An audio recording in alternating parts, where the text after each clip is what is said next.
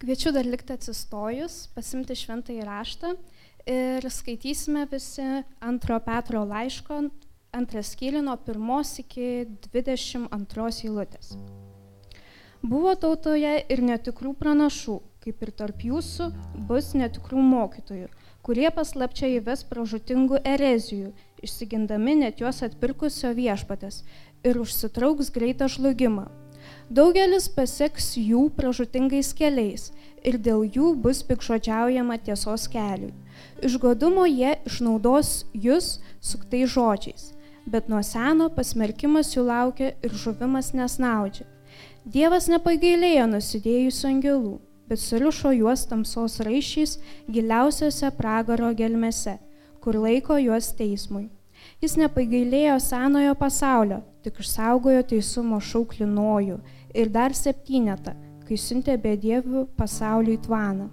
Paversdamas pelenai Sodomos ir Gomoros miestus, pasmerkė juos žlugti ir taip davė pavyzdį ateities bedieviams. Išgelbėjo teisų į lotą, varginamą nedorelių palaido elgesio, nes tarp jų gyvenantis šis teisusis diena iš dienos vargino savo teisę sielą, matydamas ir girdėdamas nedorus darbus. Viešpat žino, kaip išgelbėti pamaldžiuosius nuo išbandymo ir kaip išlaikyti nedoruosius teismo dienai ir bausmiai, o ypač tuos, kurie pasiduoda nešvariems kūno geismams ir niekina viešpatystę. Įžūlus ir savavaliai, jie nesudreba pikžodžiaudami šlovingiesiems, tuo tarpu angelai, aukštesni jėga ir gale, viešpaties akivaizdoje neištarėm jiems pikžodžiško kaltinimo, bet jie kaip neprotingi gyvuliai, gimė sugavimui ir užmušimui, pikšodžiauja tam, ko nesupranta ir pražus savo sugėdime, gaudami atpildą už nusikaltimus. Jie laiko pramogą lėbauti dienos metu.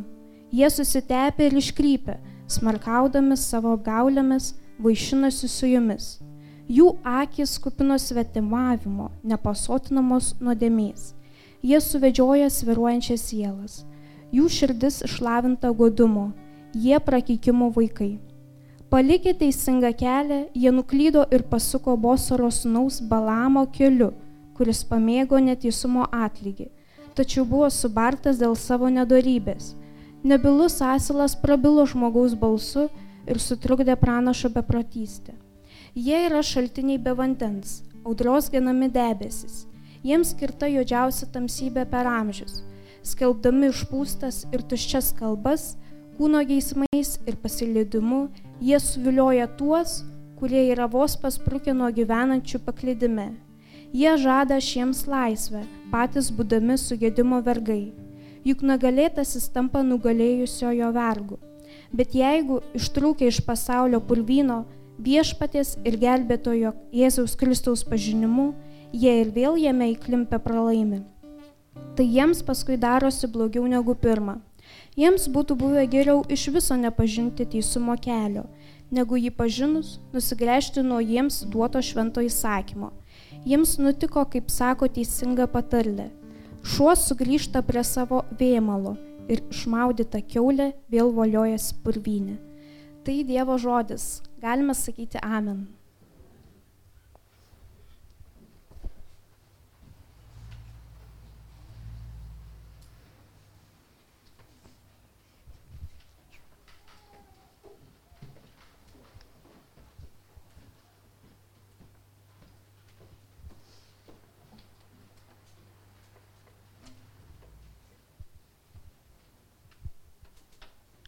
Labas rytas.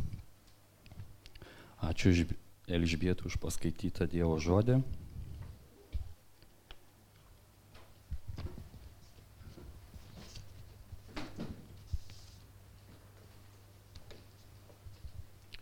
Kviečiu trumpai pasimelsti prieš nagrinėjant šitą rašto vietą. Viešpatė mes ateiname tavo akivaizdą, prašydami tavo malonę suprasti tavo raštus Ir Dieve iš tiesų kalbėk mums savo raštą, mokyk mus per savo raštą ir atverk save per raštus. Prašom tavo malonės ir dėkojame tau. Ir tegul tavo vardas iš tiesų būna išaukštintas. Taigi, skaitant antrąjį skyrių, gali pagalvoti, kad Petras rašo žmonėms, net ne žmonėms, bet labai piktiems.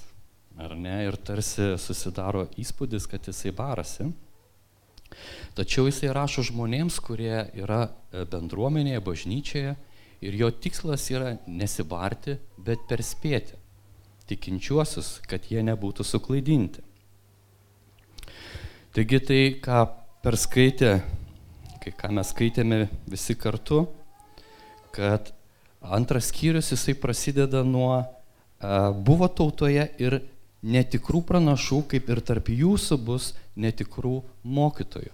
Taigi tikri ir netikri pranašai, tikri ir netikri mokytojai. Buvo netikrų. E, mokslininkai yra paskaičiavę, tie, kurie nagrinėja e, Bibliją, kad Biblijoje yra daugiau kaip 3200 pranašysčių, kadangi tai aš girdėjau žodžiu, neatsimenu tiksliai kokį skaičių sakė, bet tai yra tikrai virš 3000. Ir greičiausiai, kad pasaulyje nėra tokios knygos, kur būtų tiek a, užrašyta įvairiausių pranašyščių, kurie būtų tiek pranašaujama. Ir iš ties Petras, e, mes jau praeitą sekmadienį klausėme, e, jisai kalba apie pranašų žodį pirmam skyriui nuo 19 eilutės. Taip pat mes turime dar tvirtesnį pranašų žodį. Jūs gerai darote laikydamasi jo tarsi žiburio šviečiančio tamsioje vietoje, kol išauš diena ir jūsų širdis jau užtekės aušrinė žvaigždė. Pirmiausia, žinokite, kad jokia rašto pranašystė negali būti savavališkai aiškinama, nes pranašystė niekada nėra atėjusi žmogaus valia, bet kalbėjo šventosios dvasios įkvėpti šventi Dievo žmonės. Taigi tikro pranašo pranašystė arba žodžiai išsipildo ir jų galima laikytis. Ir Petras ragino laikytis pranašų žodžių. Taigi, kas yra pažadėta šventajame rašte, Petras yra tikras šimtų procentų, kad jos išsipildys. Taigi, mes galime sekti Petru ir suprasti, kad taip ir bus. Tačiau netikras pranašas ir netikras mokytojas klaidina. Ir Petras perspėja, ir kai mes skaitėme, e, Elžbieta skaitė šitą, e, šitą e, rašto ištrauką, mes sutikome tokius epitetus, kuriuos Petras vartoja, ne, įžūlus ir savavaliai, neprotingi gyvuliai, jie yra šaltiniai be vandens, audros genami debesis, Taigi iš ties Petras jisai kreipia mūsų žvilgsnį, kaipgi atskirti tikrą nuo netikro. Ne? Ir kaip netapti netikru. Žinot, e, aš dabar kalbu ir esu toks potencialus būti netikras, ar ne? Todėl jūs klausydami manęs turite labai atidžiai tai daryti, nes a, kritiškai ir išmintingai vertinti tai, kas yra sakoma, tikrinti tai pagal šventąjį raštą ir tada viešpas mus visus palaimins savo išmintimi. Taigi netikras mokytojas, kaip jį atskirti ir kaip nepapulti į erezijos pinklės arba ką reiškia išsižadėti viešpatės Jėzaus Kristaus. Aš galvoju, kad pirmoje eilutėje šios skyriaus yra, ta prasme, tas kritinis taškas, kodėl viskas paskui yra taip juodai nuspalvinama. Žiūrėkite. Netikrų pranašų, kaip ir tarp jūsų bus netikrų mokytojų, kurie paslapčia įves pražutingų erezijų, išsigindami net juos atpirkusio viešpatės ir užsitrauks greitą žlugimą. Taigi išsigindami net juos atpirkusio viešpatės. Ir be abejo, kad čia kalba eina apie Kristų, apie mūsų viešpatį, Jėzų Kristų. Ir kad suprasti, ką reiškia išsiginti, žinot, mes kažkaip galvojam, kad žmogus kažkaip išoriškai kažką padaro ir jisai išsigynęs, neišsigynęs, bet iš ties Petras jisai, e, e, jisai aiškina toliau, Ir mes turėtumėm užduoti savo klausimą, o tai kas yra viešpats Jėzus Kristus? Ar jūs žinote, kas yra Jėzus viešpats? Labai paprasti klausimai, bet mes girdėjome praeitą sekmadienį, kad raginkite vieni kitus prisiminimais. Taigi, kas yra Jėzus ir kodėl jis atėjo į šitą žemę? Ir aš paskaitysiu istoriją iš Mato Evangelijos, jeigu turit raštą, galite atsiversti, Mato 1.18. Žiūrėkit, Biblija mums kalba apie viešpaties ateimą į šitą žemę. Jėzaus Kristaus gimimas buvo toksai. Mato 1.18. Jo motina Marija buvo susižadėjusi su Juozapu, dar nepradėjus jiems kartu gyventi, ji tapo neščia iš šventosios dvasios. Jos vyras Juozapas, būdamas teisus ir nenorėdamas daryti jai nešlovės, sumanė tylomis ją atleisti. Kai jis nusprendė tai padaryti, sapne pasirodė jam viešpatės angelas ir tarė, Juozapai, Dovido sūnau, nebijok parsivesti namus savo žmonos Marijos, nes jos vaisius yra iš šventosios dvasios. Ji pagimdys sūnų, kuriam tu duosi vardą Jėzus, nes jis išgelbė savo tautą iš jos nuodėmių. Visa tai įvyko, kad išsipildytų, kas buvo viešpatės pasakyta per pranašą. Štai mergelė pradės iššiose ir pagimdys sūnų ir jį pavadins Emanueliu. Tai reiškia Dievas su mumis.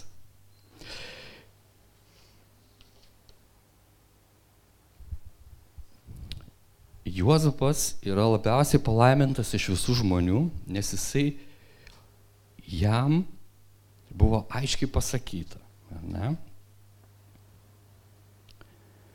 Viešpatės angelo sapne, nes jis išgelbė savo tautą iš jos nuodėmių. Tai iš tiesų yra Viešpatės ateimas į žemę priežastis - išgelbėti tautą iš jos nuodėmio. Ir Jėzus ateis į šitą žemę ir pradėjo savo tarnystę, jis darė daug labai gerų darbų. Jisai gydė ligonius, jisai prikėlė mirusius, jisai padarė tiek darbų, kad vienas iš evangelistų sako, neužtektų knygų. Tarsime, viešpats daug darbavosi.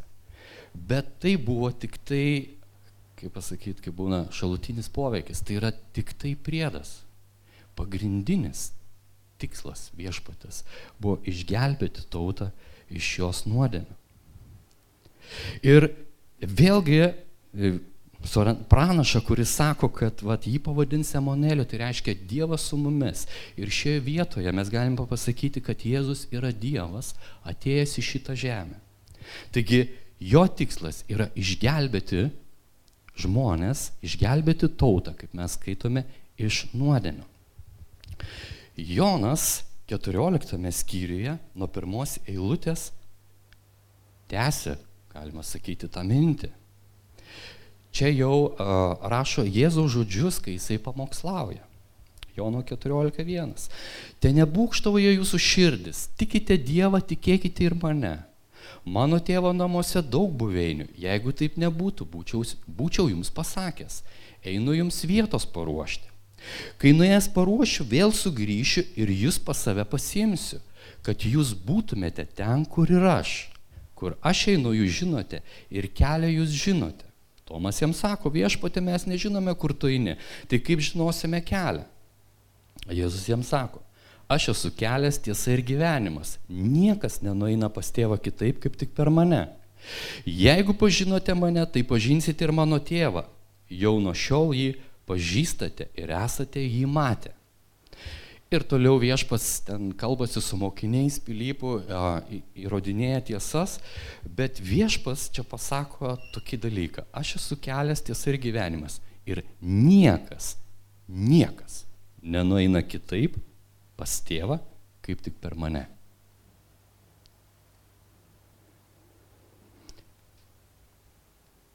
Niekas kitaip negali nueiti pas Dievą. Jėzus yra kelias. Dievas yra kelias pas Dievą. Antroje ir trečioje lūtėje, jeigu jūs turite šventąjį raštą, mes matome, kad Jėzus žada paruošti buveinės. Brangieji, tai pranašystė užrašyta Biblijoje, jinai šimtų procentų išsipildys. Jeigu Jėzus pasakė, tai būkite garantuoti, kad kai išeisime amžinybę, viešpati žodis bus išpildytas. Jums bus paruošta buveinė. Tie, kurie vilėsi, kurie tiki Jėzų Kristų. Taigi, Biblija aiškiai sako, nėra jokio kito kelio pas Dievą, tik per Jėzų Kristų. Jėzus įsikūnijęs Dievas, Dievo sūnus ir vienintelis kelias pas Dievą. Kyla logiškas klausimas, o kaip kitos religijos? O jeigu žmogus toks nuoširdus, geras ir, ir stengiasi ir viskas, viską daro, kad išpildytų gero žmogaus, net nežinau kaip pasakyti, ne tai kad įvaizdį, bet gero žmogaus būdą. Jeigu grįžtumėm prie rašto, ten yra parašyta, niekas negali nueiti kitaip. Vadinasi, jeigu žmogus seka religija, filosofija, kas tai bebūtų, ir ten nėra viešpatės Jėzaus Kristaus asmens, ta, ta visa, a, galima sakyti, religinė teologija, ar kas tai bebūtų, a, ji veda į dvasinę klavietę, į pražutę. Niekur. Nes be viešpatės Jėzaus asmens niekas negali ateiti pas Dievą. Jono 3.17. Paskaitysiu, visis, mes visada skaitom Jono 3.16, Jono 3.17. Dievasgi nesiuntė savo sūnaus į pasaulį, kad jis pasaulį pasmerktų, bet kad pasaulis per jį būtų išgelbėtas. Kas įtiki, tas neteisiamas, o kas netiki, jau yra pasmerktas už tai, kad netiki viengimio Dievo sūnaus vardo. Ir čia Jonas labai aiškiai pasako, ar ne? Dievo sūnus atėjo į pasaulį išgelbėti, nepasmerkti. Jo ketinimai yra iš tiesų tai, ką ir, ir girdėjo Juozapas savo sapne. Išgelbėti tautą iš jos nuodėmių. Ir kas įtiki, tas nebus teisiamas. Bet kas netiki Dievo sūnaus vardu. Dievo sūnaus vardu. Tas bus pasmerktas. Ir tai sako raštas. Tokia yra Evangelija. Aš klausiau vieno pamokslo.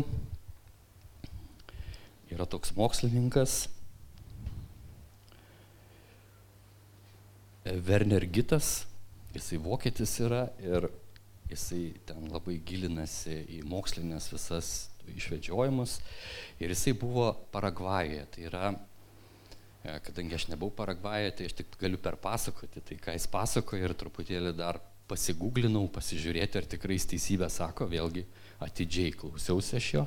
Taigi, Pietų Amerika yra šalis Paragvajus ir per tą e, šalį, tai yra iš Brazilijos, e, Paragvajumi ir taip pat įteka į, Argen... teka į Argentiną ir įteka į Atlanto vandenyną šitą upę. Ir ji vadinasi Parana. Ir yra be galo gigantiška upė, nepaprastai didelė. Kadangi e, Brazilijoje vyksta liūtis, nu, tiek ima paima ir Paragvajų, ir ties Paragvajumi toje vietoje ta upė yra labai plati ir didelė. Ir jos debitas, tai yra, kaip prateka vanduo, yra 17 500 kubiniai metrų per sekundę. Šiaip tas skaičius nelabai ką sako, bet e, palyginus su Nemanu, kur yra be galo galinga ir graži upė, didelė ar ne, tai Nemanu teka 540 kubinių metrų per sekundę vidutiniškai. Tai jeigu paskaičiavus visiškai matematiškai, čia aišku vidutinis debetas, nes vienur daugiau, kitur mažiau, tai ta parana yra apie 31-32 kartus didesnė už Nemuną. Ir pasakoja, kad kai žmogus atsistoja prie kranto, jisai žiūri kaip į jūrą, nesimato kito kranto. Tai yra be galo didingas vaizdas. Upė, kur nematai kito kranto. Ir turi ta upė vieną problemą. Ten gyvena krokodilai. Ir jeigu tu ten plauksi žodžiu, į kitą krantą. Žodžiu, gali nenuplaukti. Ne dėl to, kad pavargai, bet tapai maistu. Tai iš tiesų gyvenantis krokodilai yra, nu, tarkim, paržutingi, jeigu kažkas tai gyvas įkrenta į vandenį. Ir perplaukti paprastai nėra galimybės. Su valtimi vėl valtis ar ne, tai e, natūraliai e, atsižvelgiant į upės debetą, tai jeigu tu išplauksi vienam krante, tai neaišku, už kelių kilometrų tu perės kitą krantą, tai yra pakankamai sudėtinga. Aišku, mes jau tokie technologiniai žmonės sugalvotumėm, kaip tenai viską padaryti, bet šiaip nereikia jokio šanso pereiti, jokio, visiškai. Ir kai tu stovi prie tokios didybės ir tu supranti, kad nėra šansų tau pasiekti kitą krantą. Žinot, žmogaus situacija, stovint prieš Dievą, yra labai panašioje situacijoje. Jokio šanso pasiekti Dievą. Jokio. Ir jeigu mes tą paralelę išvestumėm į Senąjį testamentą, ten buvo Bromas, kuris patikėjo Dievu ir jam buvo tai skaityta teisumu. Ir iš tiesų buvo žmonės, kurie tikėjo Dievu, jam tarnavo ir labai daug, bet tai buvo tarsi valtelės per, per tą upę, kur yra pražutinga.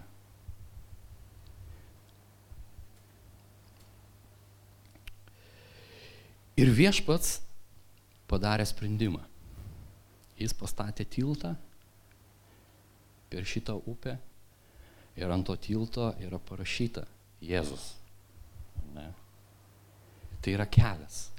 Ir viešpats aiškiai suprato, kad e, su valtelėmis pasinų nedaug nuplauks. Bet jeigu viešpats pastatys tiltą, ten galės eiti kiekvienas. Ten nebebus pavojaus įkristi ir pražūti.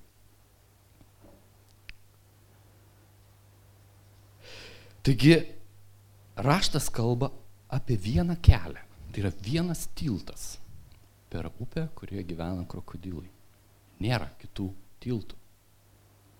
Bet jeigu mes grįšime prie klausimo, kaip kitos religijos, jeigu mes eisime pagal, pagal tą upę ir iš tiesų rasime daug įvairiausių filosofijų, religijų, kur siūlo kelią pas Dievą.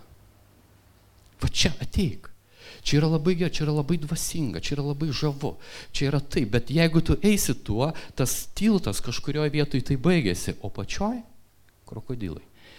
Tai yra pražūtis, tai yra toks betikslis, aklas kelias, kuris niekur neveda. Nes Dievas nu, nutėsi vienintelį kelią - Jėzų Kristų. Aleliuja.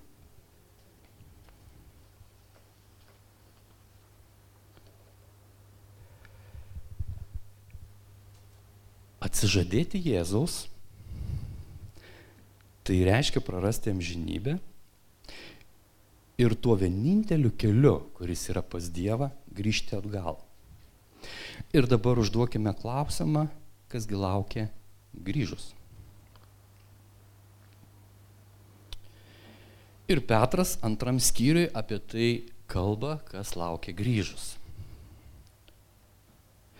vien tik sieliniai, žmogiški ir demoniški dalykai.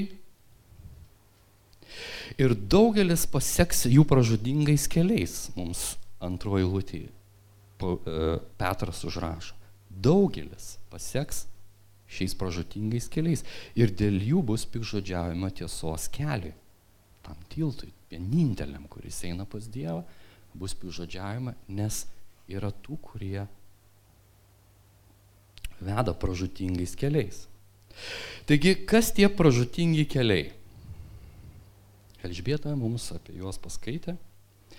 Ir jeigu tu skaitai ir aš bandžiau gilintis į tuos pražutingus kelius ir čia yra tokia raizgalinė, kad tu nesuprasi, kas iš kur. Tai prasme, kad vienas kelias į kitą ten e, susiduria, bet aš pabandžiau e, išgvildenti, kokiegi čia tie keliai. Ir čia yra ne visas šimtaprocentinis sąrašas, tai ką Petras užrašė, bet tiesiog sutraukiau rezumė. Taigi paklausykite.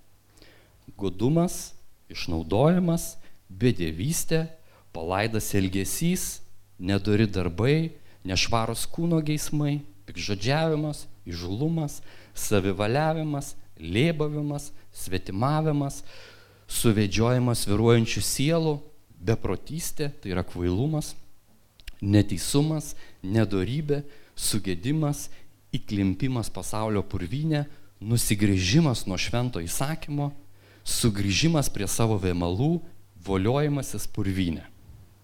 Visą tai jūs galite rasti šitoje rašto vietoje. Aš pagalvojau, kad tai yra tikras zombio apibūdinimas. Ir raštas, kas baisiausia, mano siaubui, sako, bus pas jūs tokių. Pirmoji lūtė, tai parašyta. Žiūrėkite, bus pas jūs netikrų mokytojų. O Dieve. Iš tiesų, Petras perspėja. Vadinasi, kalba eina iš tikrųjų ne apie zombius, bet apie žmonės, kurie yra bažnyčioje ir turim pripažinti, kad visi šitie dalykai netarpsta kažkur tai dvasiniai plotmėj, bet žmonėse. Žmoguje tarpsta visi šitie dalykai. Tačiau Petras tai rašo todėl, kad tikintieji nebūtų suklaidinti ir tai yra begalinės Dievo meilės išraiška perspėti ir pasakyti. Yra piktasis, kuris klaidina ir nepapulkite brangiai jos pastus. Velnes nori pražudyti ir niekada nenorės gero. Visada daro tik piktą. Ir kaip mes skaitėme pirmam Petro laiške vieną sekmadienį, būkite blaivus ir budrus, nes jūsų priešas velnės lankėjo aplinkui kaip riaumojantis liūtas, tikodamas kurį nors praryti. Nepasidžiaugti, bet praryti, pražudyti.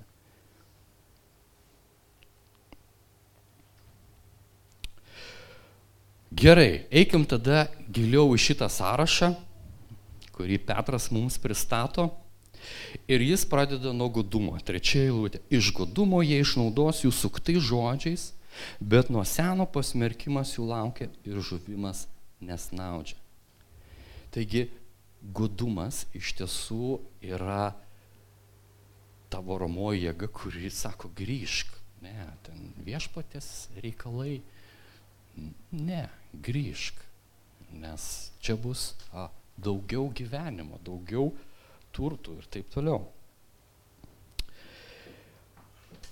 Ir žiūrėkite, ketvirtoje eilutėje mes atrandame tai, kad Dievas nepasigaili ir niekada negaili nuodėmės. Jis ją sunaikina, nes šventas Dievas neturi savyje nuodėmės. Ketvirta eilutė. Dievas nepagailėjo nusidėjusių angelų, bet surišo juos tamsos raišiais giliausiose pragaro gelmėse, kur laiko juos teismui. Žiūrėkite, jis nepagailėjo senojo pasaulio, tik išsaugojo teisumo šauklį nojų ir dar septynetą, kai siundė bedievių pasaulį į tvaną paversdamas pelenai Sodomos ir Gomoros miestus, pasmerkė jo žlugti ir taip davė pavyzdį ateities bedieviams. Taigi Dievas nepagaili nuodėmės. Jis neturi nieko bendro su nuodėmė. Ir jeigu yra akistata, šventas Dievas ir nuodėmė, nuodėmė bus naikinama. Nes šventumas naikina nuodėmę. Nuodėmė negali būti Dievo akivaizdui. Ir visoje šioje tamsybėje yra teisiųjų, kurie neseka pražutingais keliais ir yra tarsi žiburys tamsoje. Ir vienas iš jų yra Nojus, penkta eilutė. Jis nepagailėjo seno pasaulio, tik išsaugojo teisumo šauklį Nojų ir dar septynetą.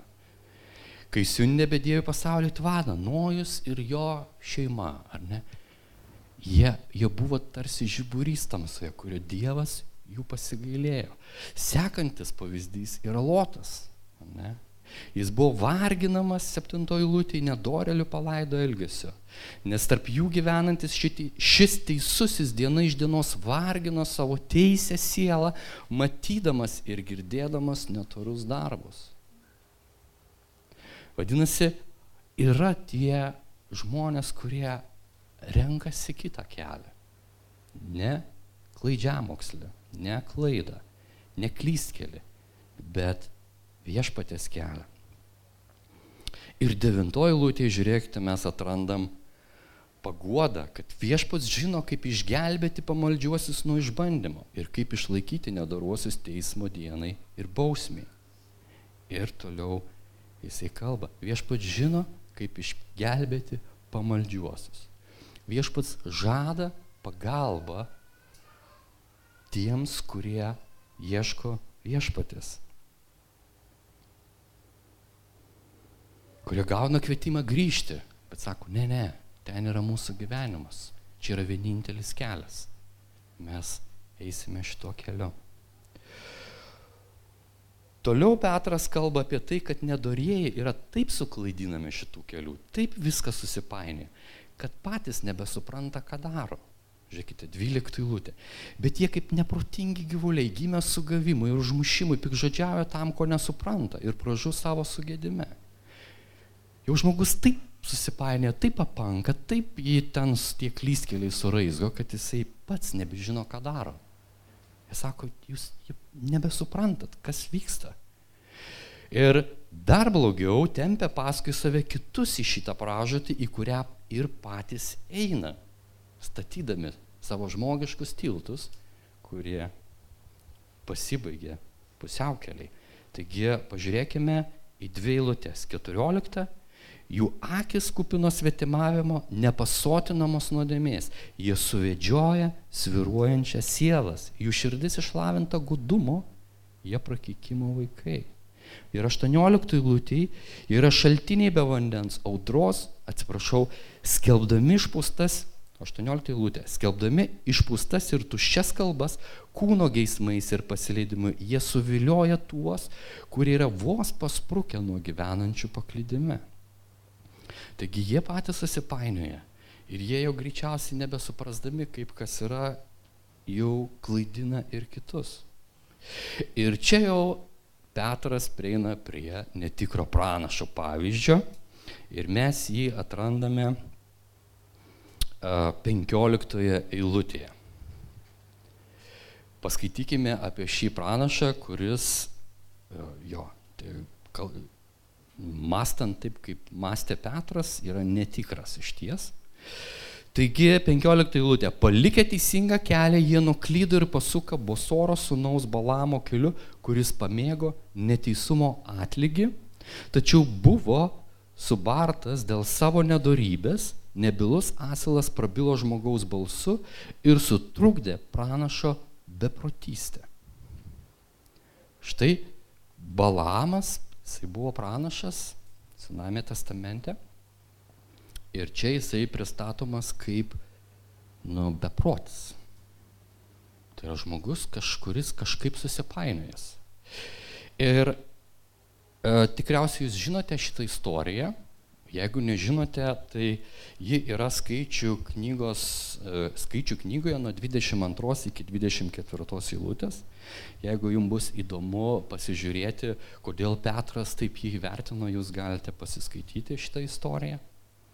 Aš tik pasakysiu trumpai, kas, e, jeigu nežinote, tai Izraeliui keliaujant iš Egipto, pagonių tautos labai bijojo Izraelio, nes Dievas buvo su jais su Izraelio tauta. Todėl Mabo karalius Balakas siuntė savo žmonės, pasiuntinius pas pranašą Balaką, kad jis prakeiktų Izraelio tautą. Iš tiesų buvo tikslas. Sako, labas, tave kviečia karalius Balakas, prakeik Izraelį.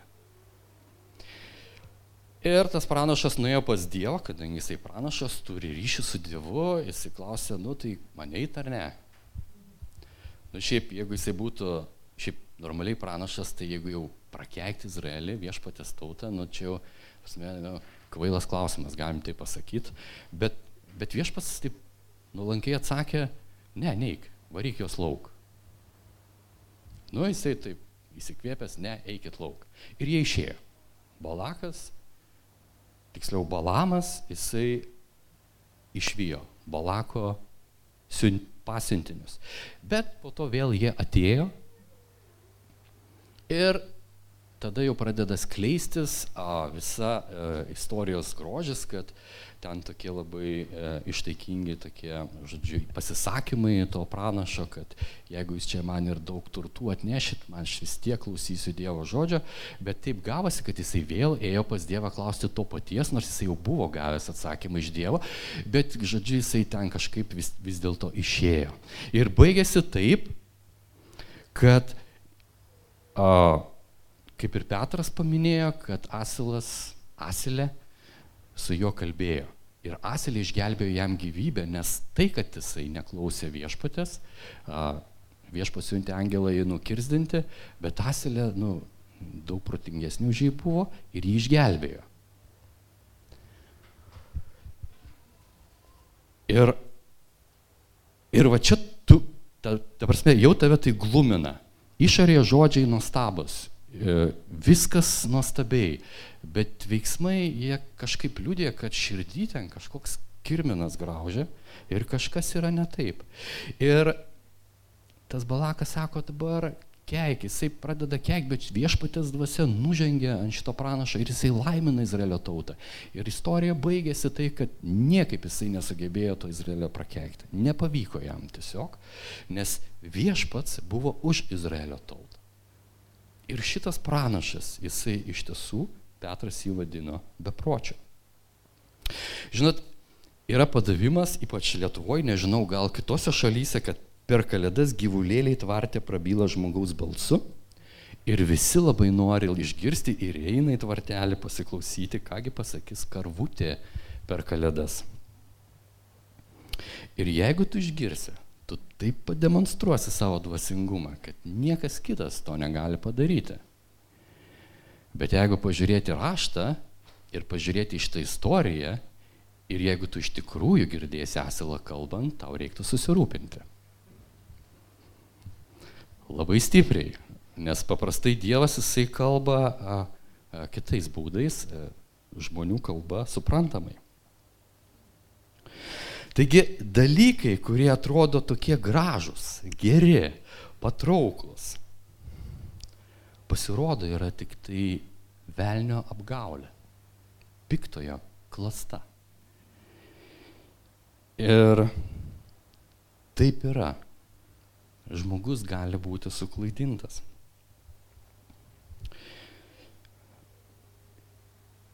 Neseniai žiūrėjau tokį dokumentinį filmą kuris vadinasi Apiplėšimas.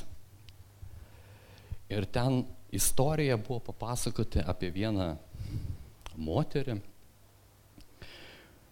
tai yra 90, nu, ta prasme, jinai jau, jau nebe jauna, bet jinai pasakojo savo gyvenimo istoriją. Ir kai jinai buvo jauna, ji įsidarbino e, apsaugos tarnyboje ir toje apsaugos tarnyboje, e, ta apsaugos tarnyba, būtent jos buvo vairuoti autobusiuką, kuris vežiodavo pinigus. Tai vyko 10-metį, 20 amžiaus, dar tos, e, žodžiu, internetinė bankininkystė, e, gal jinai ir buvo kažkur, bet jinai nebuvo, ten, ta prasme, jos nebuvo, visi pinigai buvo vežiojami grinais. Ir jinai žai, turėjo savo nu, draugą, kuris e, iš ties buvo iš nusikaltelių pasaulio ir jie kartu sugalvojo padaryti apiplėšimą.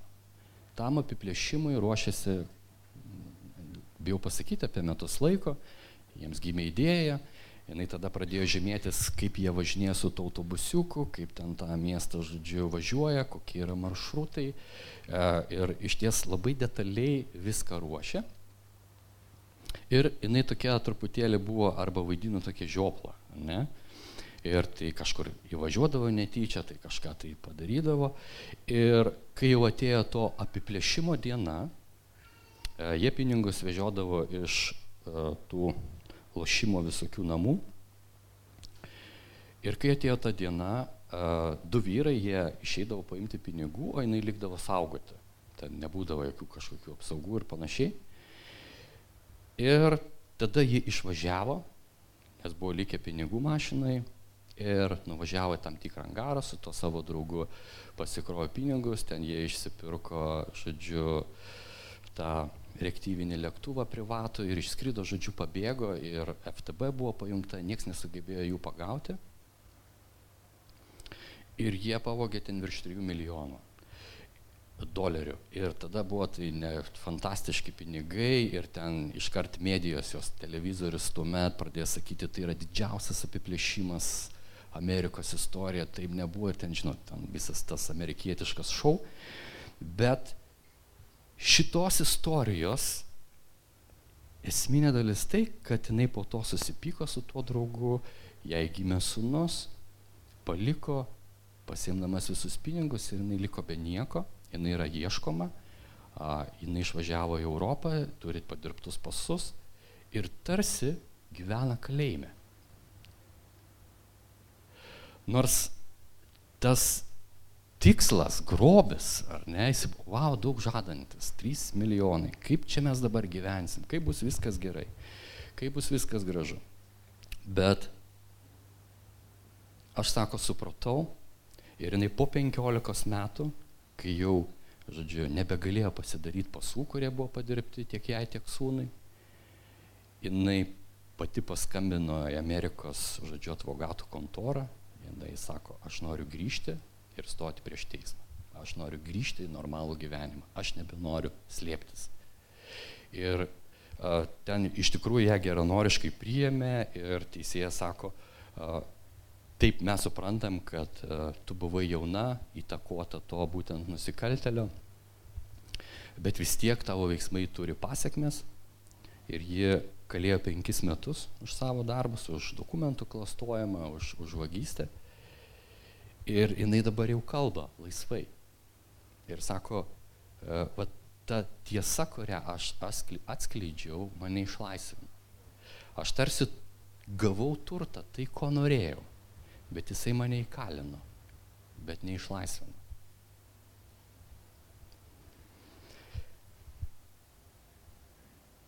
Palikti teisingą kelią reiškia pasirinkti pražūties kelią. Reiškia nelaisvės kelią, apie kurį Petras čia ir kalba. Jie žada šiems laisvę, patys būdami sugėdimo vergais. Ir 21 lūtėje Petras sako, jiems būtų buvę geriau iš viso nepažinti teisumo kelio, šio kelio, negu jį pažinus nusigręžti nuo jums duoto švento įsakymo. Kas yra šventas įsakymas? Matas mums padeda 22, 34. Fariziejai Išgirdę, kad Jėzus nutildė sadukėjus, susirinko kartu ir vienas iš jų įstatymo mokytojas mėgindamas jį paklausė.